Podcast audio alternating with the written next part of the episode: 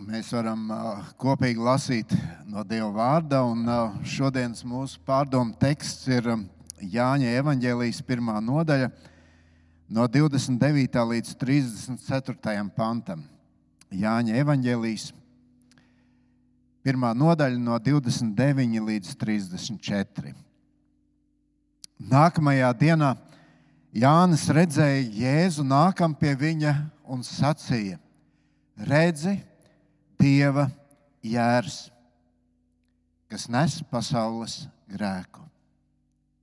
Šis ir tas, par kuru es teicu, pēc manis nāk vīrs, kurš ir pirms manis, jo viņš bija pirmāk nekā es, un es viņu nepazinu, bet tādēļ es nācu kristīdams ūdenī, lai viņš tiktu atklāts Izrēlam.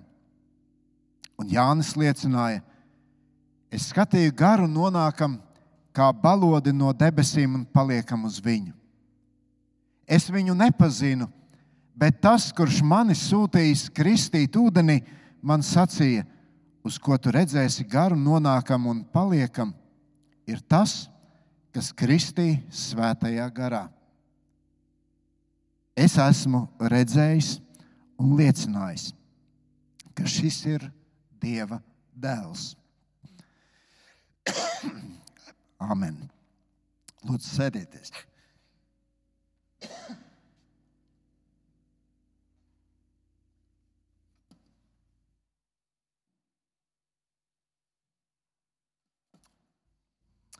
Pirms mēs um, kādu mirkli domājam par šiem vārdiem, es uh, vēlos pieminēt vienu lietu, ko aizmirsu atzīmēt ziņojumos, un tā ir nākošā svētdiena. Nākošā svētdiena ir mātes diena, jeb ģimenes diena. Un, uh, mēs uh, nākošajā svētdienā gribam dot uh, tādu īpašu uh, iespēju uh, mūsu bērniem, Svētdienas skolai, un es zinu, ka viņi tam gatavojas. Uh, iespēja tādā ziņā, ka viņi varēs uzdot um, jautājumus, dažādus jautājumus, uz kuriem tad gan Raimons, gan Markus, gan es mēs mēģināsim atbildēt.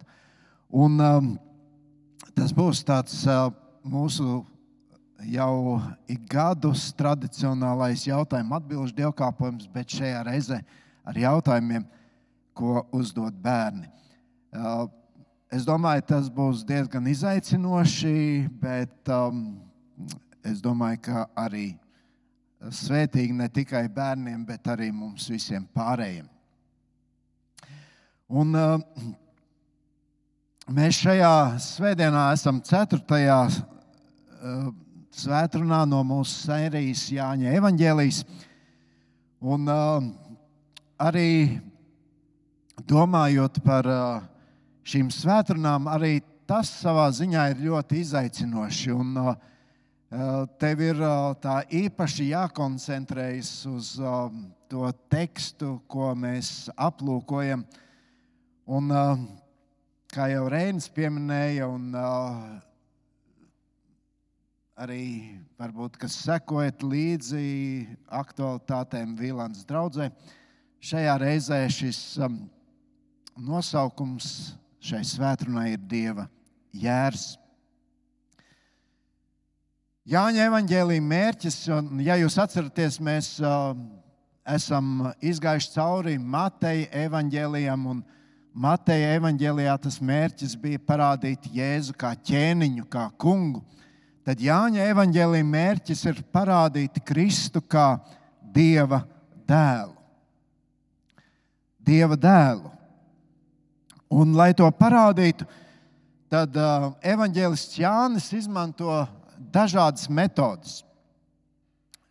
Uh, Jāņa evanģēlijā ir liels uzsvers uz tiem daudzajiem brīnumiem, ko Jēzus darīja. Bet tajā pat laikā es gribu atzīmēt varbūt tikai vienu tādu iezīmi, ko mēs redzam uh, Jāņa evanģēlijā Un tas ir tas, ka Jānis ļoti bieži piemin lieciniekus. Lieciniekus, liecino, lieciniekus, kuri sastopoties ar Kristu, apliecina, Jā, Kristu, tu esi Dieva dēls. Un šodien mums ir iespēja sastapties ar vienu no tādiem lieciniekiem, un tas ir Jānis Kristītājs. Arī pagājušajā reizē kopā ar Marku mēs domājam par šo viņa vēsti. Un mūsu teksts, šodienas teksts noslēdzas ar šiem vārdiem: Es esmu redzējis un liecinājis, ka šis ir Dieva dēls. Pagājušajā svētdienā šī liecība bija vērsta zināmai kategorijai cilvēku. Jānis Kristītājs liecināja priesteriem un levitiem, kuri bija sūtīti un atnākuši pie, viņiem, pie viņa un prasīja viņam, kas tu esi. Šodienas tekstā mēs redzam Jāni Kristītāju, ka viņš liecina visiem cilvēkiem. Visiem cilvēkiem, kas ap viņu ir sapulcējušies. Un, ja Dievs ļaus piedzīvot nākošo reizi kopā ar Jāņa evaņģēliju, tad tur mēs sastapsimies ar to, ka Jānis liecina saviem mācekļiem. Bet interesanti ir tas, ka pirmajā reizē, kad viņš uzrunā uh,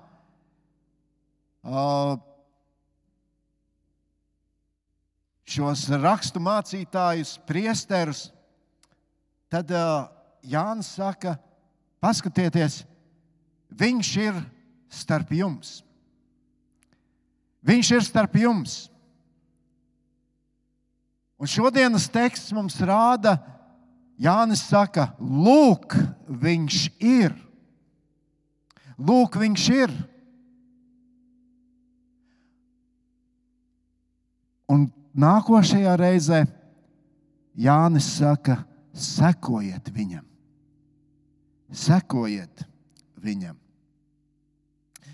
Notikums, pie kā šodien apstājamies, notiek 40 dienas pēc Jēzus eh, kristībām. Jūs teiksiet, nu kaut kas te neskan kopā. Bet, eh, ja mēs raugamies tādā dziļā kontekstā, jo šodienas teksts iesākās ar vārdiem nākamajā dienā, bet, ja mēs skatāmies šo notikumu kontekstā, tad eh, Jānis Kristītājs ir tas, tas kurš krista Jēzu Svētais gars kā balodis nolaižas uz viņu, un tad uh, gars viņu aizved tuksnesī, kur 40 dienas viņš no sātana tiek kārdināts. Jānis par to runā kā jau notikušu faktu. Paiet šīs 40 dienas, un Jēzus atkal ir tur, kur Jānis Kristītājs sludina. Un redzot Jēzu, Jānis Kristītājs saka šos vārdus ar tik ļoti dziļu nozīmi un jēgu. Redzi, Dieva jērs, kas nes pasaules grēku. Redzi, Dieva jērs.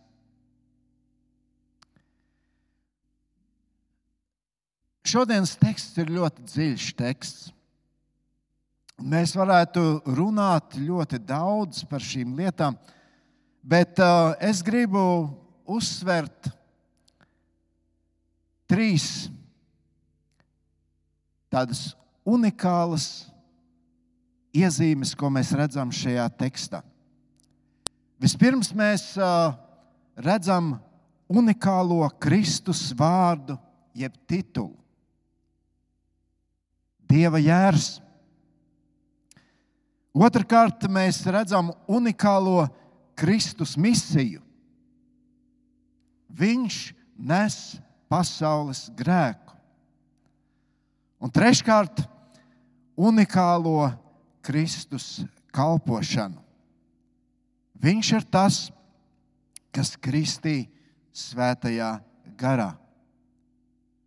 Unikālo mēs neatradīsim nevienu citu, tikai Kristu. Apstāsimies pie šīm trim lietām. Pirmā - unikālais Kristus vārds, jeb tituls. 29. pantā mēs lasījām, nākamajā dienā Jānis redzēja Jēzu nākam pie viņa un sacīja: Redzi, Dieva jērs, kas nes pasaules grēku. Kāpēc? Kāpēc Jānis norādot uz Kristu, viņi nosauc tieši par jēru? Viņš to nesauc par ķēniņu, viņš nesauc Jēzu par kalpu, viņš nesauc viņu par svaidīto, viņš nesauc par alfa un omegu. Bet stādot priekšā tautai Kristu, viņš saka, redzi, Dieva jērs. Kāpēc tieši tādus vārdus saka pravietis Jānis Kristītājs? Tāpēc, ka šim vārdam ir ļoti dziļas saknes. Dziļas saknes, kas tik nozīmīgas bija jūdu tautai.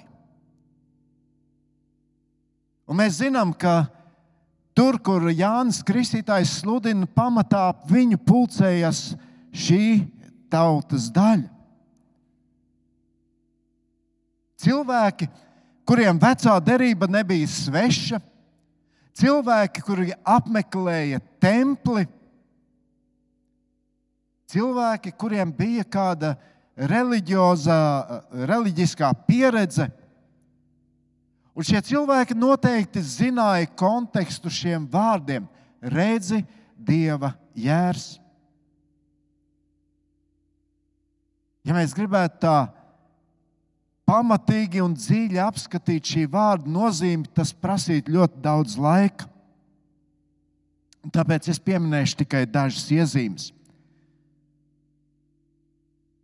Mums ir uh, pazīstams Ābrahāma, kurš bija ebreju ciltstēvs vārds vecajā derībā.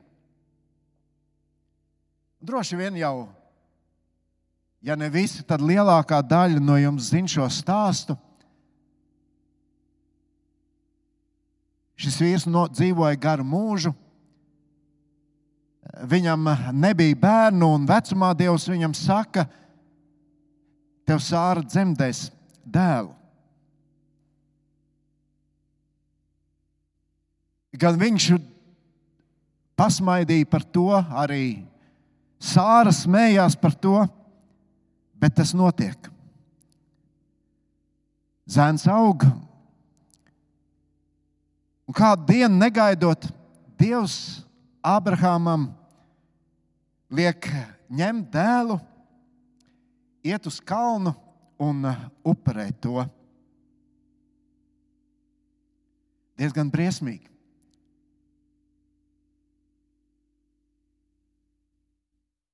Tagad mēs zinām un saprotam, Tas bija pārbaudījums Ābrahāma ticībai. Bet toreiz Ābrahams burtiski to arī darīja. Viņš ņem dēlu, iet uz Morijas kalnu, lai darītu to, ko Dievs viņam teica. Un tajā brīdī, kad uh, Viņš jau ir saistījis savu dēlu un nolicis uz altāra un paceļ, paceļ jau savu roku, lai nogalinātu Izaku. Mēs lasām 1. mūzes grāmatā, 22. nodaļā šos vārdus, bet Dieva eņģelis no debesīm sauca viņam: Ābrahām, Ābrahām! Bet tas sacīja, te es esmu. Un viņš sacīja, neizstiep savu roku pret savu dēlu un nedari tam it nekā, jo tagad es zinu, ka tu bīsties dieva un nesi taupījis savu vienīgo dēlu manis labad. Un Ābrahāms pacēla acis un ieraudzīja aunu aiz sevis, kas ar saviem ragiem bija saķēries krūmājos. Un Ābrahāms piegāja klāt, paņēma aunu un nolika to par dedzināmo upuri sava dēla vietā. Šis dramatiskais notikums rāda ne tikai šo Ābrahāma ticību, bet šis notikums mums atklāja šī cilvēka aizvietošana, aizvietošanu ar jēru. Un tieši tāpat kā Īzakam, arī cilvēkam bija jāmirst. Bet tieši, tieši tāpat kā šis auns Ābrahamam, tāpat Kristus, šis jērs, tas tika sagatavots no Dieva, kā mēs lasām, lai mirtu par visas pasaules grēku. Un interesanti, Morijas kalns ir vieta, kur vēlāk tika uzcelts Jeruzalemes templis. Tā ir vieta, kur tika nesti un upurēti dzīvnieki. Netālu no šī No šīs vietas, no šī kalna, ir cita vieta, Golgāta. Vieta, kur krustā tika sists Jēzus. Redzi, Dieva jērs. Jānis Kristītājs liecina un norāda uz Kristu. Tāpat mēs varam atcerēties Izraēla tautas iziešanu no Eģiptes. Bet pirms tas notiek, pirms viņi aiziet no tās vietas, kur viņi ir paverdzināti, mēs lasām 2. mūzes grāmatā, 12. nodaļā, no 21. līdz 24. pantam. Tad Mozus aicināja visus Izraēla vecais un tiem sacīja: Ejiet un ņemiet savai saimei jērus un nokaujiet tos pasā svētkos. Ņemiet pušķi īzapa un mērciet to asinīs, kas bļodā, un aptraipiet palodu. un abus durvju stabus ar asinīm, kas bļodā. Un neviens neizejiet pa sava nama durvīm līdz rītam. Kad tas kungs nāks, lai sistu eģiptiešus un redzēs asinis uz palodām un abiem durvju stabiem, tad tas kungs ies garām tām durvīm un neļaus maitātajam ienākt jūsu namos, lai jūs sistu. Un turiet šos vārdus par likumu sev un saviem bērniem mūžīgi. Šeit mēs redzam, ka nāve aiziet garām namiem, kuros ir miris šis jērs Un tieši pretēji, tur, kur jēra asinis netika izlietas, tur kādam bija jāmirst. Redzi, Dieva jērs. Jānis Kristītājs liecina, norādot uz Kristu. Mēs varētu vēl daudzus piemērus apskatīt Arī ievadā mēs lasījām no Iesaistas grāmatas 53. nodaļas. Tas kungs uzkrāja visus mūsu grēkus viņam. Un visi šie piemēri norāda uz dieva jēru. Un Jānis Kristītājs liecina, lūk, redzi dieva jērs, norādot uz Kristu. Viņš tiek upurēts mūsu vietā. Dievs viņam uzliek visu vainu, manu un tavu vainu. Un, ziniet, nav jau tā, ka Jēzus to izdarīja un ar to viss beidzās. Nē, ja mēs lasītu atklāsmes grāmatu, arī tur Dieva troņa priekšā viņš tiek stādīts priekšā citiem kā jērs. Es šodien nelasīšu, bet jūs varat atvērt mājās un palasīt atklāsmes grāmatu. Tur 29 reizes Jēzus tiek saukts par jēru.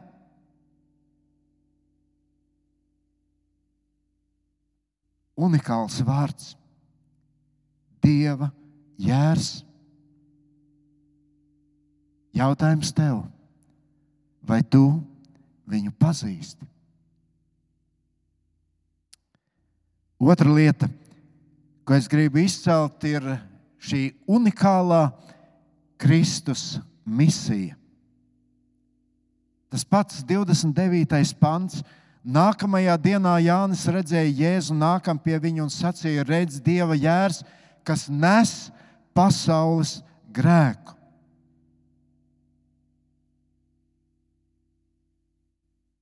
Tik nepopulāri uzņemties kāda vainu.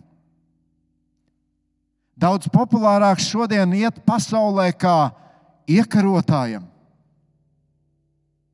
Daudz populārāk šodien uzrunāt ļaudis kā filozofam vai kā augstas morāles sludinātājam. Nē. Jēzus misija bija, bija pavisam cita.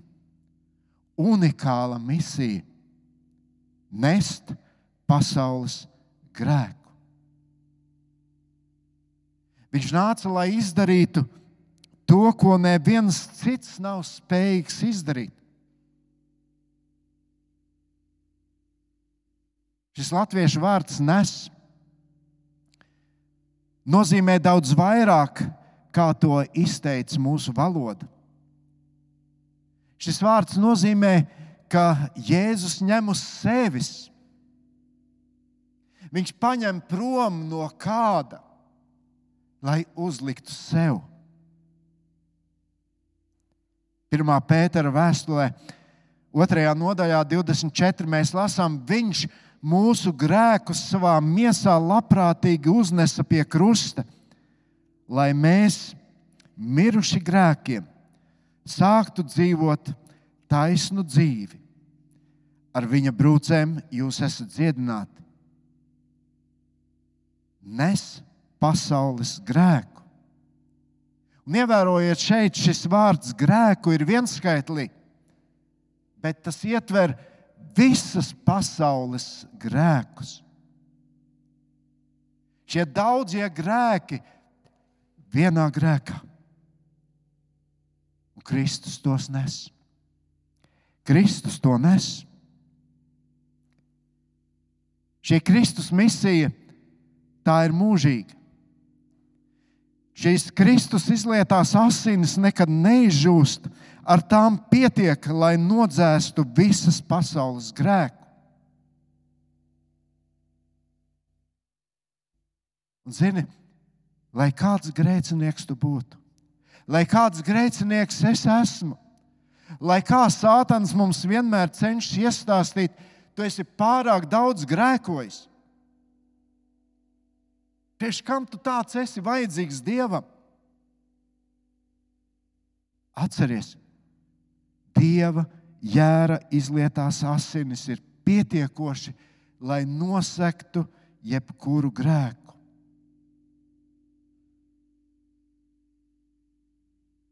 Tāpēc es gribu jautāt, vai tici, ka Kristus paņem uz sevi arī tavu grēku? Zini, ticībai, ticībai te ir tā izšķirošā nozīme, jo rakstis saka, ka tikai tie, kas ticēs, tie tiks izglābti. Tikai to grēkus, kuri ticēs, tos Jēzus ņem uz sevi. unikāla misija, ko neviens cits nekad nav spējīgs atkārtot. Un trešā lieta, ko mums šodien māca teksts, ir unikāla Kristus kalpošana. No 31. līdz 33. pantam. Jānis Kristītājs saka, un es viņu nepazinu. Bet tādēļ es nācu kristīdams ūdeni, lai viņš tiktu atklāts Izrēlam.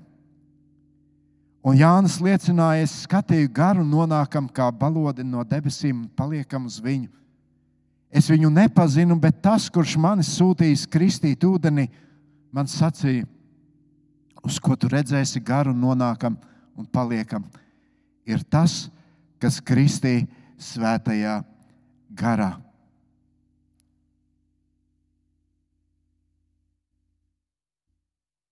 Jēzus Kristības īpašs brīdis. Svētais gars nolaižas uz viņu kā balodis.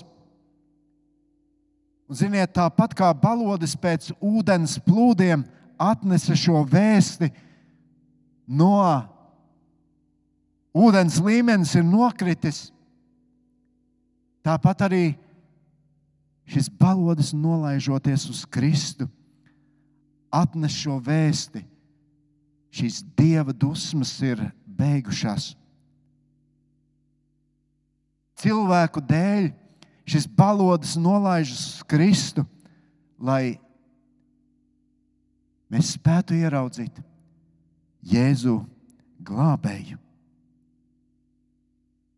Un interesanti, ka Jānis runā par ūdens kristību un pēc tam par kristību svētajā garā.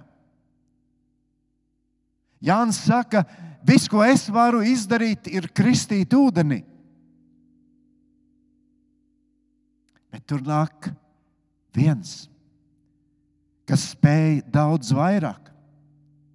Tur nāk viens, kurš spēj izmainīt iekšējo cilvēku kurš spēja jebkuru cilvēku samierināt ar Dievu.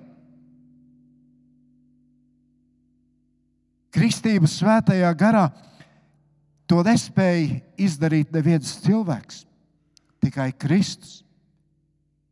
Tā nav miesas kristība, tā ir sirds, dvēseles kristība. Ziniet, Šo kristību saņēma tas noziedznieks pie krusta, kurš pēdējā brīdī nožēloja savus grēkus un saņēma šo Kristus doto apsolījumu: šodien tu būsi ar mani paradīzē. Caur šo kristību cilvēks tiek pievienots tai universālai draudzēji, kuras, kuras sastāv no patiesām patiesiem, ticīgiem cilvēkiem no visām tautām. Jā, kristība ūdenī ir ļoti svarīga. Tā ir Kristus pavēle, un katram no mums šodien pret to ir jāiz, jāizturas nopietni.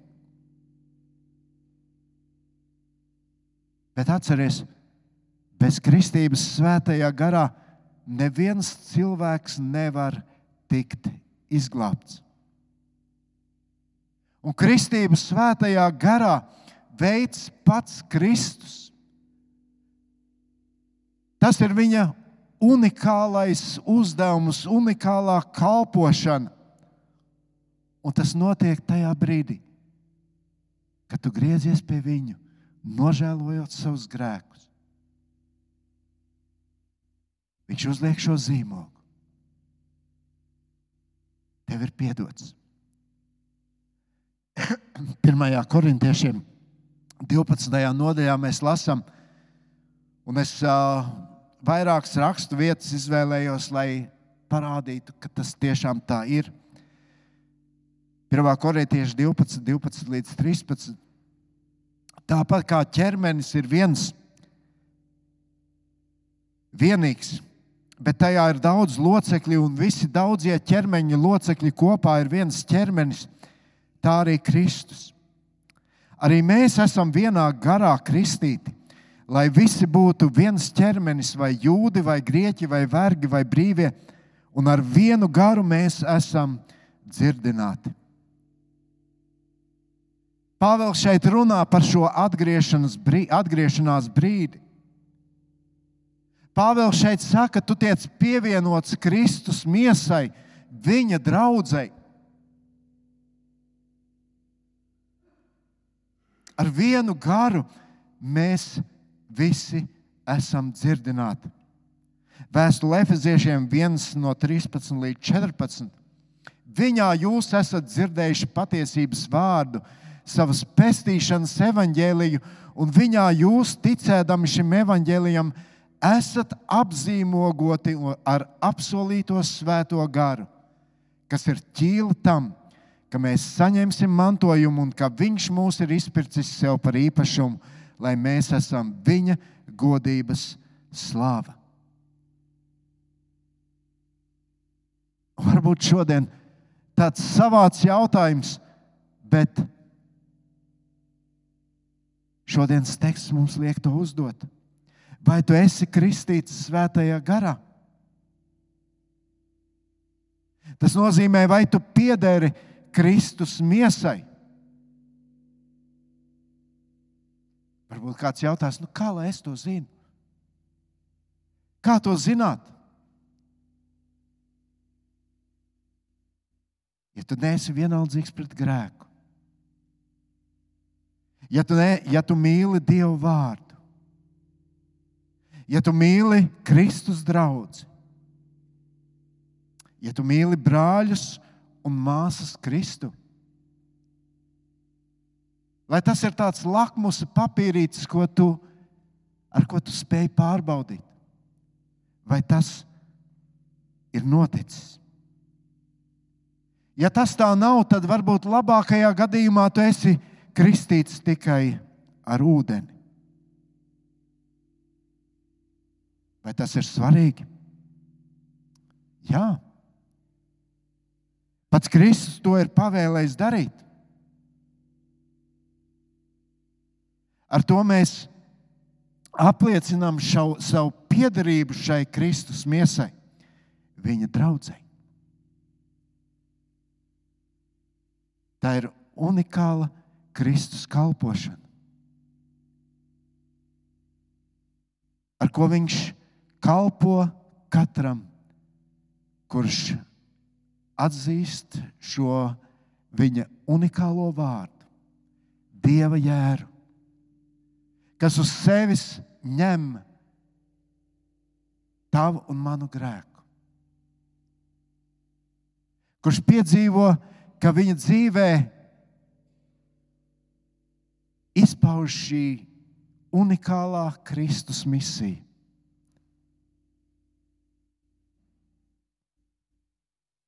un kurš piedzīvo šo unikālo kalpošanu.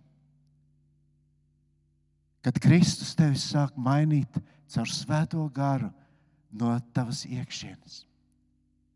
Kad varbūt tas, kas tev pavisam nesen ir licies tik svarīgs, bez kā tu varbūt savā dzīvē nespēji vairs dzīvot, kad Kristus to paņem prom un piepilda tevi ar pavisam jaunu saturu. Tev pievienodams savā žēlstībā, savai miesai, Kristus miesai. Lūk, Dieva jērs, kas nes pasaules grēku. Lūksim, Debes Tēvs, Tu katru no mums pazīsti un uh, Tu zini mūsu ceļu, tu zini mūsu domas, tu zini mūsu darbus. No tevis mēs neko nespējam aptvert un apslēpt. Bet tāpēc, kungs, mēs nākam pie tevis tādi, kādi esam. Un varbūt arī šodien mums ir jānāk pie tevis visā pazemībā un jālūdz, kungs, paņem prom. Paņem prom šo manu grēku. Es ticu, ka tu esi tas jērs, šis dieva jērs, kurš nomira arī par mani. Un kungs dod mums šo stipro pārliecību, lai tavs gars ir tas, kas mūs pārliecina, ka mēs esam tavi bērni. Lai tavs gars ir tas, kas mūs pārliecina, ka tu stipri tur mūs savās spēcīgajās rokās. Kungs, paldies par šo atgādinājumu. Paldies, Kungs, par to, ka Tu esi tas, kas Tu esi. Unikāls, ko neviens cits nespēja aizvietot.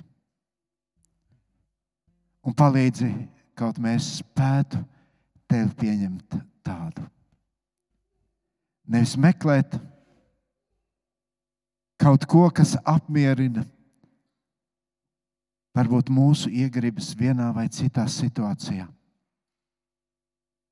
Bet ieklausīties tevi un tajā, ko tu mums saki.